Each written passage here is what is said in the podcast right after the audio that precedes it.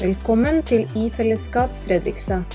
På tvers av generasjoner samles vi om Guds ord, bønn og lovsang. Du kan følge oss på sosiale medier eller nettsiden ifellesskap.no. I denne podkasten kan du lytte til andakter, samtaler og bibelundervisning fra vår menighet. Jeg syns det var gøy å få spørsmål om Jonah, for Jonah er en fyr eh, som eh, Er det lov å kalle en profet en fyr? Ja. ja.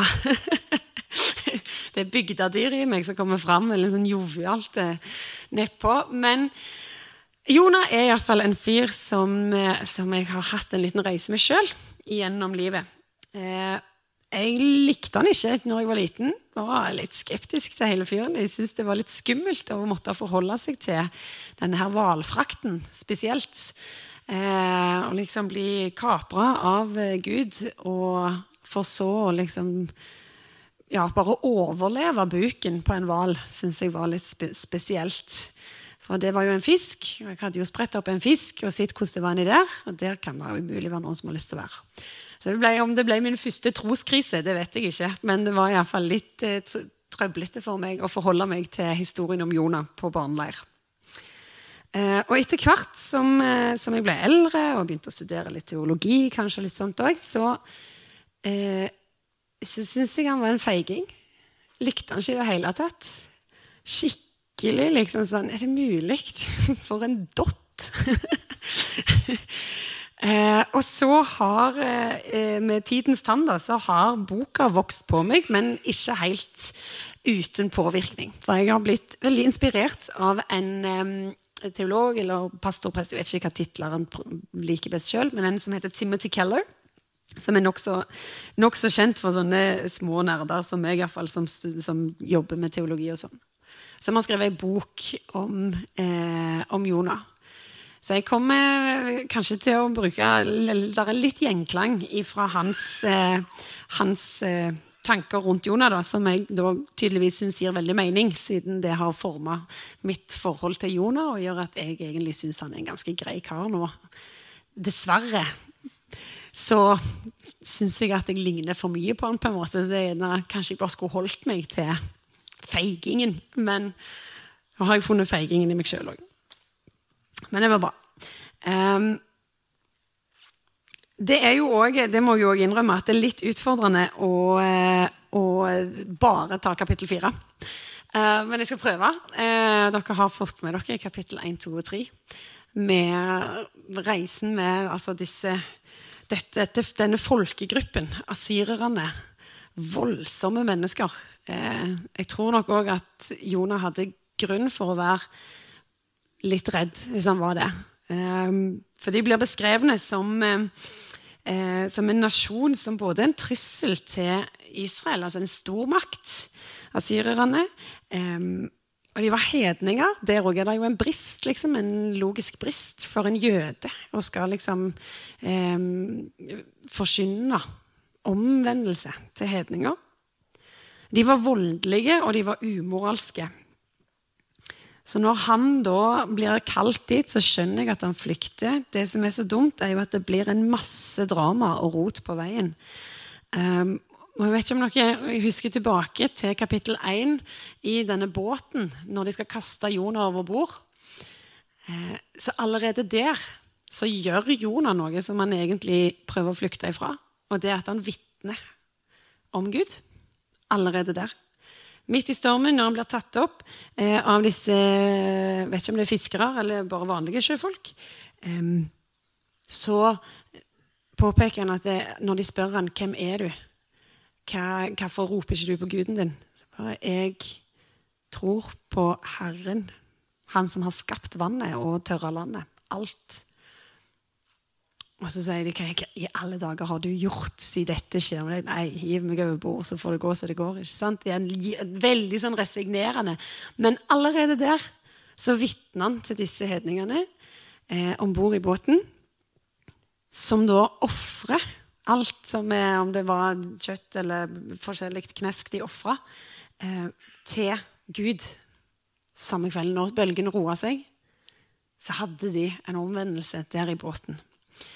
Så liksom, til og med med veldig liten eh, lite ønske om å nå målet sitt, så gjorde Jonah noe mest sånn ufrivillig. Litt sånn avmakt. Altså, ja, ja, jeg er jo jøde, da, så jeg tror jo på Gud som har skapt alt dette, så det er vel min feil, liksom. Um, ja. Så han får, det, han får, det, til på mirakuløst vis. Jeg tror egentlig at Jonah får til oppdraget sitt òg um, motvillig. Mot sin vilje. Og det er litt det jeg har lyst til å fokusere litt på. Eh, et, et, perspektiv som jeg syns ble ble veldig sterkt for meg da når jeg fikk en uh, nyoppvåkning av Jonah, det var ordene som Timothy Keller sjøl bruker. Som han da refererer til Jonah som den bortkomne profet. Og har liksom tydelige referanser inn til den bortkomne sønnen i Lukas 15. Og så er det òg det som jeg syns kommer utrolig sterkt fram i det siste kapittelet, som på en måte blir desserten i, i boka, er Guds nåde og Guds kjærlighet. Og da satt opp imot menneskets svake natur, eller forsøk på å være gode, eller et eller annet sånt, som gjør at egentlig bare Gud triumferer enda mer. Og det, som, det, det, er de tre tingene som jeg vil prøve å si litt om. da. Eh, for denne her bortkomne profeten eh, og referansene til Lukas på den samme måte som den bortkomne sønn eh, rømmer eller stikker av eller bare beiler hjemmefra, da, så har Jonah òg en ulydig ånd mot Gud og rømmer fra oppdraget. I de to første kapitlene så kommer det fram, denne, denne flykten fra oppdraget. Og De to siste kapitlene så speiler Jonah den, den andre sønnen, den sønnen som blir igjen hjemme. Som bare er lydig, og som gjør alt som faren hans ber om. Jeg, liksom, jeg tipper i en vanlig flokk, søskenflokk så hadde det sikkert vært mellomstemann, som bare er greie liksom, midt imellom der. Og Det samme gjelder òg Jonah. Til slutt i kapittel 3 og 4 så møter vi Jonah som gir etter da, eh, og gjør oppdraget som Gud har satt han til. Han er lydig, motvillig og nokså sånn Ikke akkurat kraftsalver han kommer med i vitnemøter eller vekkelsesmøter eller noe sånt når han kommer til Jonah, men han gjør iallfall det han skal. da. Eh, der når han kommer.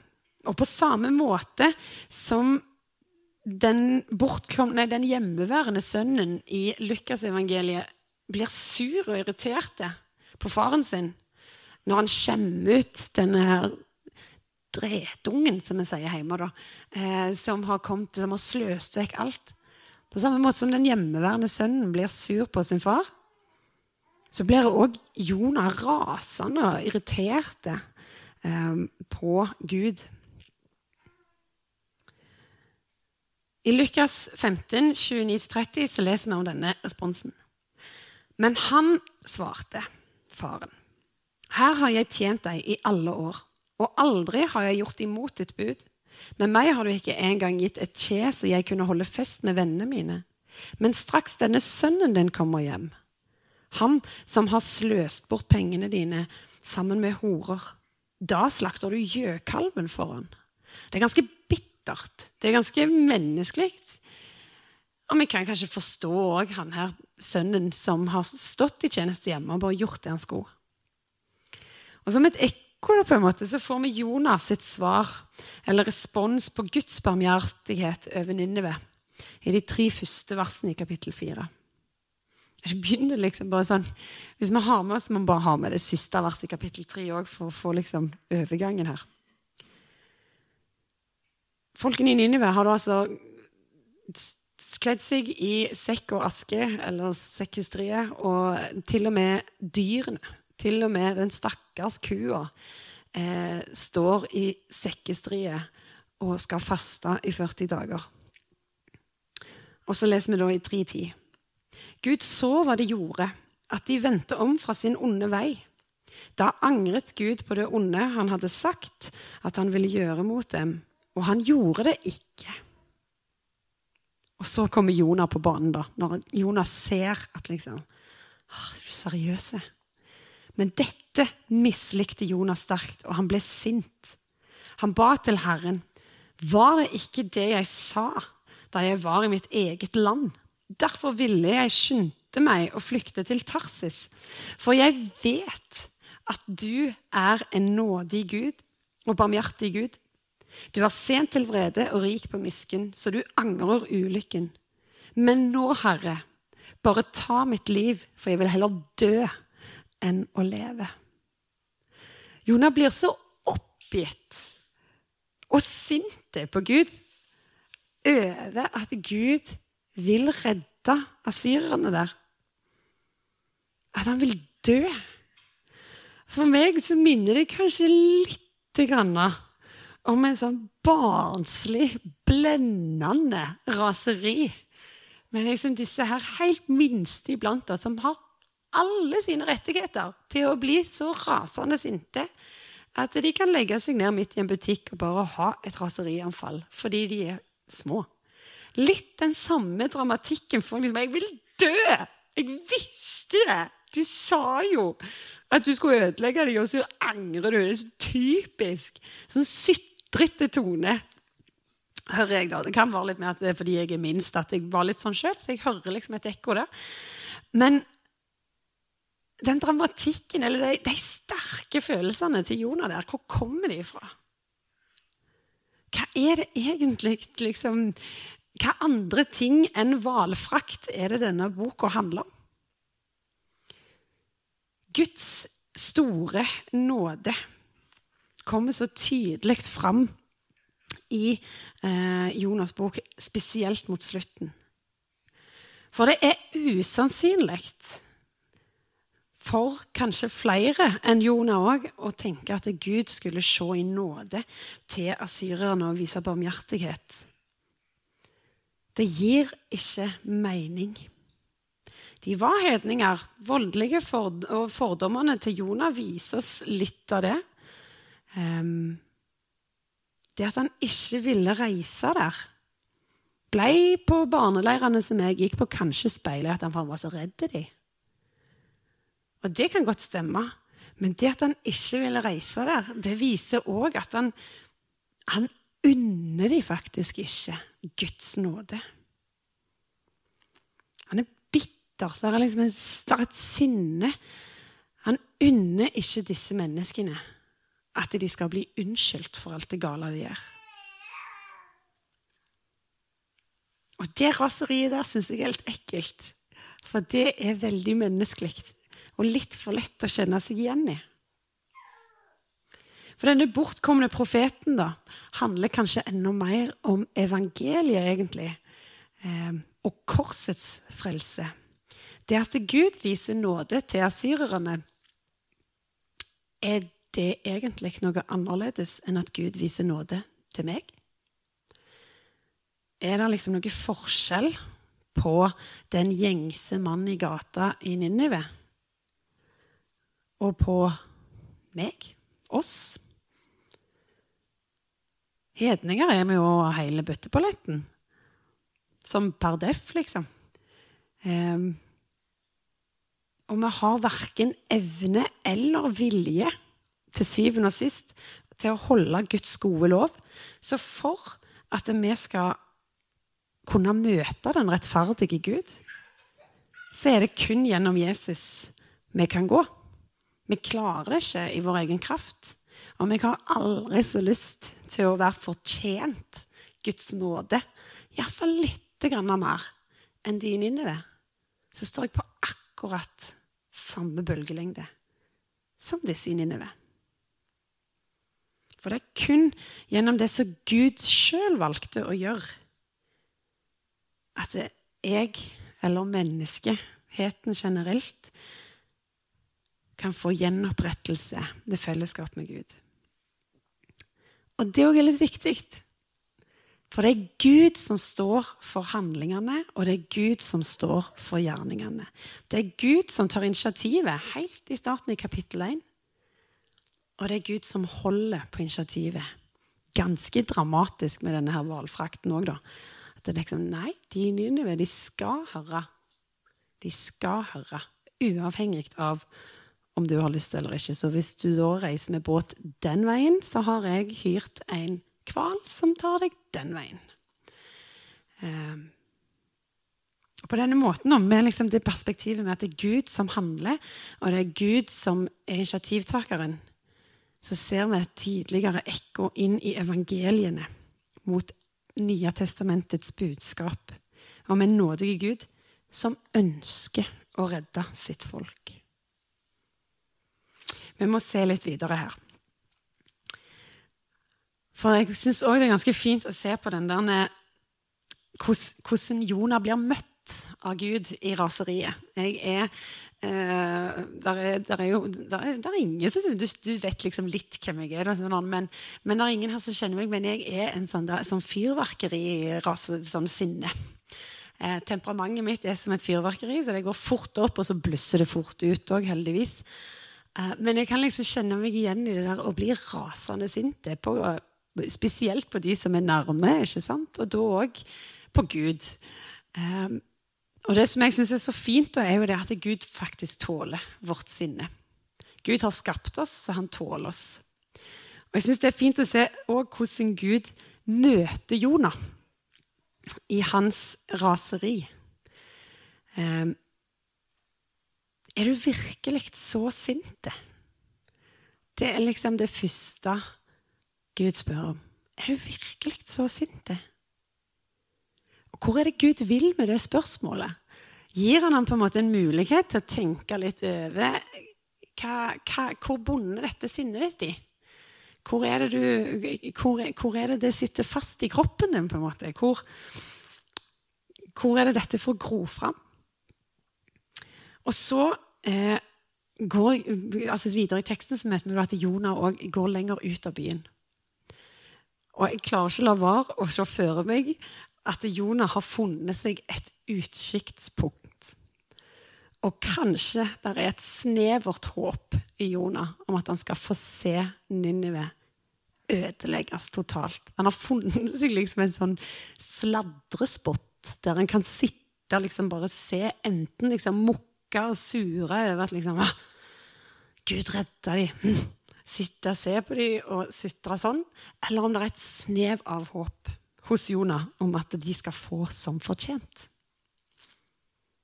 Jeg vet ikke om det var det han gjorde, men liksom i forhold til hvordan humøret hans blir speila, så klarer jeg liksom ikke å la være å se det før meg. For han gir dem jo ikke noe sjans. Denne profetien som han skulle komme med, som han skulle si, det var jo ikke helt ordrett. For når han kommer inn i Ninive tidligere i kapitlene, så sier han jo bare Ennå 40 dager så skal Ninive bli ødelagt. Det er det, det, er det de gir han, han gir dem. Og når han sitter der på utkikksposten sin og kikker utover Ninive, hvor skuffa var han eh, når han så ble vitne til at asyrerne vendte seg om, og at kongen sjøl faktisk kledde seg i sekkestria, og at hele folket fikk pålegg om å endre livsstilen sin. Om å gå vekk fra de onde veiene. Det må ha vært sjokkerende. Og det må ha vært vanskelig å forholde seg til når han sjøl òg vet at jeg, jeg ga dem jo ikke et hint engang om hva som skulle være redningen her. Jeg på en måte bare proklamerte en ødeleggelse. Men jeg ga dem aldri noe om hvordan de skulle bli redda. Han vært vanvittig irriterende. Når han da sitter der og ser at Guds hjerte mykner sakte, men sikkert, og at han angrer dommen over Ninive.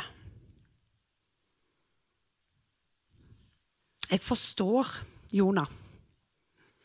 Det er litt teit, syns jeg, men jeg forstår han. Når du misliker noen så sterkt, og kanskje hatet eller fienderelasjonen er så sterke at det eneste du ønsker, er at de skal få som fortjent. Og det er ikke fra Gud. Det er bunnløst i oss mennesker. Å sitte der på utkikksposten og liksom lengte etter at de skal få som fortjent. Jonah han eh, kunne si at eh, ja, jeg er virkelig så sint til Gud. Jeg er virkelig så rasende, eh, for jeg visste at du var en nådig Gud. Og så møter Gud han på det igjen. Som en respons på raseriet så gir Gud Jonah en busk som skygge. Det tror jeg han trengte. Det tror jeg var, ga han litt komfort. Og kanskje det òg var et litt sånn syrlig trekk. Eh, at det ikke her, Mens du sitter her og dyrker bitterheten din, så kan du iallfall ha litt komfort. Eh, at du får litt skygge. At det ikke blir så utholdelig for deg å se på denne byen. Og Dagen etterpå så får, nok, nei da, så får Jonah nok et raseri eller sammenbrudd når denne busken i tillegg er blitt forgifta og ikke lenger kan gi han skygge. Og solstikk kan gjerne òg gjøre at han blir litt ekstra eh, utilregnelig, holdt på å si. Og der har Gud muligheten til å sette inn sitt pedagogiske lille stikk. For akkurat med den busken så tror jeg at Gud prøver å vise hvor stor kjærlighet han har til sitt folk, til menneskeheten. Eh, vi kan lese fra vers 9. Da sa Gud til Jonah, 'Er du virkelig så sint på grunn av resinusbusken?' Han svarte, 'Jeg er så sint at jeg kunne dø.' dramatiske type, dette her. Herren sa, 'Du hadde omsorg for resinusbusken, som du ikke har hatt noe arbeid med og ikke har fått til å vokse opp, og som ble til på en natt og ble ødelagt på en natt.'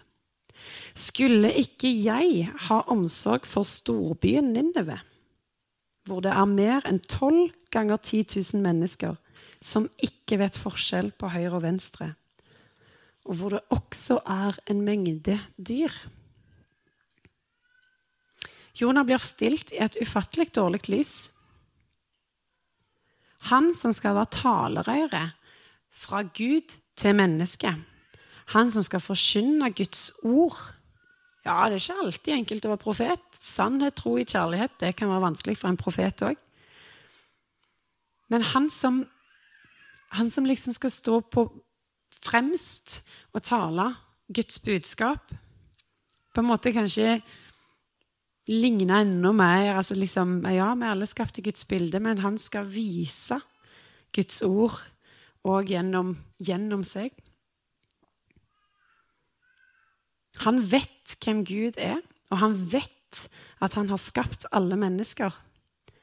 Allikevel så klarer ikke Jonah å anerkjenne at Gud kan elske noen som han hater så sterkt. Vi er så uendelig menneskelige med mennesker. Vårt perspektiv er så lite i forhold til Guds perspektiv. For det er enkelt å elske sin neste når man liker nesten. Det er enkelt eh, å være grei med mennesker som er likende. Det blir med en gang mye mer komplisert å drive med nestekjærlighet i praksis når en misliker folk sterkt, eller når en rett og slett er fiender. Og det er litt vanskelig å måtte innrømme for seg sjøl, iallfall for meg, at der ligner jeg mye på Jonah. Jeg kan forstå han kjempegodt. Hvem er det som jeg egentlig ikke unner Guds nåde? Hvem er det jeg ikke har lyst til å hjelpe? Eller hvem er det jeg har så sterke fordommer imot, eller til og med kanskje frykter? At jeg ikke unner dem å møte Gud. Heldigvis så kom jeg ikke på noen sånn fortløpende når jeg holdt på med dette, for det hadde jo vært hakket tristere igjen. Men jeg tror likevel det bor, det bor, i, det bor i meg. Det fins Denne bitterheten og dette herrene skulle bare ønske at de fikk som fortjent. Straff for enten ulydighet eller ugudelighet. Om jeg ikke kjenner så mange nå, så har jeg iallfall søsken som jeg Åh, hvis de slapp unna med noe Det var ei mare. Det var vanskelig. Og Jeg tror det er òg her lærdommen og Guds nåde kommer så tydelig frem til i, i kapittelet budskapet i Jonah. Skulle ikke jeg ha omsorg for byen Ninneve, som er full av mennesker som jeg har skapt i mitt bilde? Som er ønska, og som er elska? Og skulle ikke jeg ha kjærlighet for de menneskene som jeg ser er helt ute? Det eneste Gud vil, er at de, han skal ha fellesskap med de òg. Han ønsker de vel. Og det står heller ingenting om, om at eh, asyrerne i Ninive at de vendte om og begynte å tilbe Gud, men de vendte seg om ifra sine onde veier. Som da vil si at det, altså det, ble, det ble, lettere å være asyrer generelt. Det var mindre vold. Det var kanskje en, en større sosial eh, frihet eller rettigheter. Samfunnet fungerte bedre. Det var en gevinst. En sosial rettferdighet. Og det berører Guds hjerte. Når menneskene er gode mot hverandre, når menneskene vender seg vekk fra det vonde, så berørte det Guds hjerte så mye at han angra dommen. OK, dere får en, en, en til sjanse. Og når Gud er så stor at han har omsorg for de menneskene som andre hater, skal ikke jeg da som menneske bøye meg for den kjærligheten i ydmykhet? For jeg er òg kun et menneske som ikke evner å møte Guds ansikt uten at jeg har Jesus. Jonah, asyrer eller nordmann, så er vi alle likestilte overfor Gud.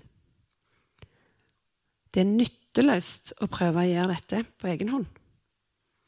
For det er kun via Guds initiativ til frelse, via det Gud sjøl gjorde ved å sende sin sønn, at det vi kan ha frelsen. Igjen så er det Gud som står for handlingene. Gud er initiativtakeren. Og så, til avslutning, så eh, vil jeg bare liksom ta fram dette at det, boka avslutter ikke. Det er ingen avslutning i Jonas' bok. Det òg er et ekko ifra, eh, ifra, den bortkomne sønnen, eller nå heter det vel i denne oversettelsen 'Den gode far', men ifra Lukas 15. Vi vet faktisk ikke hva som skjer med Jonah vet heller ikke hva responsen til sønnen som alltid hadde vært hjemme, var. Vi møter forfatteren som, som har skrevet Jonah, og lar det være i en sånn klassisk cliffhanger, som det heter i mediespråket. Eller en Kanskje vi kjenner mer igjen 'Se hva som skjer' i neste episode. Problemet er bare at det er ingen oppfølgingsfilm eller bok eller serie av dette. Boka gir oss ingen konkluderende avslutning. Det hadde jo passet veldig fint, tenker jeg, iallfall som et sånt Hollywood-plott, eh, hvis det sto liksom noe sånn Og så skjønte Jonah alt. Skjellene falt ifra øynene. Det er veldig bibelsk.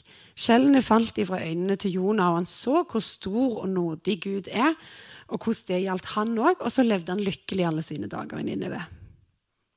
Men det vet vi ikke. Vi vet ikke hvordan dette gikk. For boka etterlater oss òg i denne cliffhangeren. I refleksjon, kanskje. Ettertanke rundt Guds nåde og rettferdighet. Det som begynte med Guds ord til Jonah helt i starten, og som avsluttes med Guds ord til Jonah. Om menneskene i Ninive. Om Guds skapte mennesker. Hva skjedde egentlig med Jonah? Hva tenkte han? Kom han med nok en respons til Gud etterpå? Hadde han mer trass og raseri? Eller sank han sammen i ettertanke over sin egen ugudelighet i møte med asyrerne i Ninive? Uavhengig av Jonas sin manglende innsats eller svake forsøk, så blir Guds storhet og barmhjertighet bare større. Gud ville nå Ninive, og Gud fikk det til, selv med den lavmålsinnsatsen. Så kanskje det òg kan da Ja, hva lærer det meg? Hva lærer det oss i våre relasjoner til våre medmennesker? Når vår kjærlighet ikke strekker til i praksis, så hindrer ikke det heller Guds kjærlighet. For jeg er et menneske. Det er ikke en unnskyldning nødvendigvis, men det er en forklaring. Men det stopper ikke Guds kjærlighet. Og det å elske sin fiende, det tror jeg ikke vi gjør for fienden sin del. Men det å elske vår fiende, eller de som vi misliker, det endrer hjertene våre. Kanskje Jonas sitt hjerte òg ble litt endra i møte med asyrerne etter han fikk snakka litt med Gud om hvorfor disse menneskene er så viktigere for han. Kanskje han fikk se asyrerne litt mer med Guds øyne og med Guds kjærlighet. For det er det som skjer med oss òg når vi elsker vår neste, som òg ikke er så lett å like. Det gjør noe med måten vi ser på vår neste. Og jeg tror òg at vi, vi, får det bedre, for vi slipper å være bitre og bygge på bitterheten. Det betyr ikke at det er lett, fryktelig komplisert. Men det endrer først og fremst ikke fienden, men det endrer oss. Så store er Guds kjærlighet. Jeg kan be litt til slutt. Kjære gode Gud, takk for at du kan åpne ordet for oss og lære oss mer om deg og mer om oss gjennom alle de historiene som du òg har vært en del i. Og takk for at dette budskapet er like gjeldende for oss i dag som det var for Jonah den gangen det skjedde vil jeg bare be Jesus om at du hjelper oss til å se menneskene rundt oss sånn som du ser dem.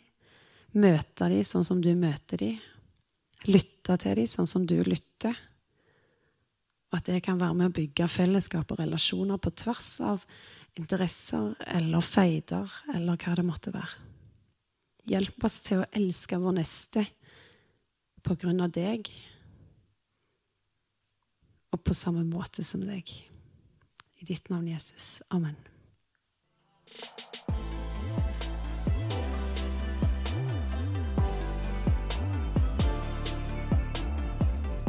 Takk for at du har hørt på podkast fra I Fellesskap Fredrikstad. Vi håper det blir til velsignelse for deg. Vårt mål er å finne de som søker, og bevare de som tror. Sammen vil vi dele livet, tjene hverandre og vokse som Jesu etterfølgere, medvandrere og fellesskap. Velkommen tilbake.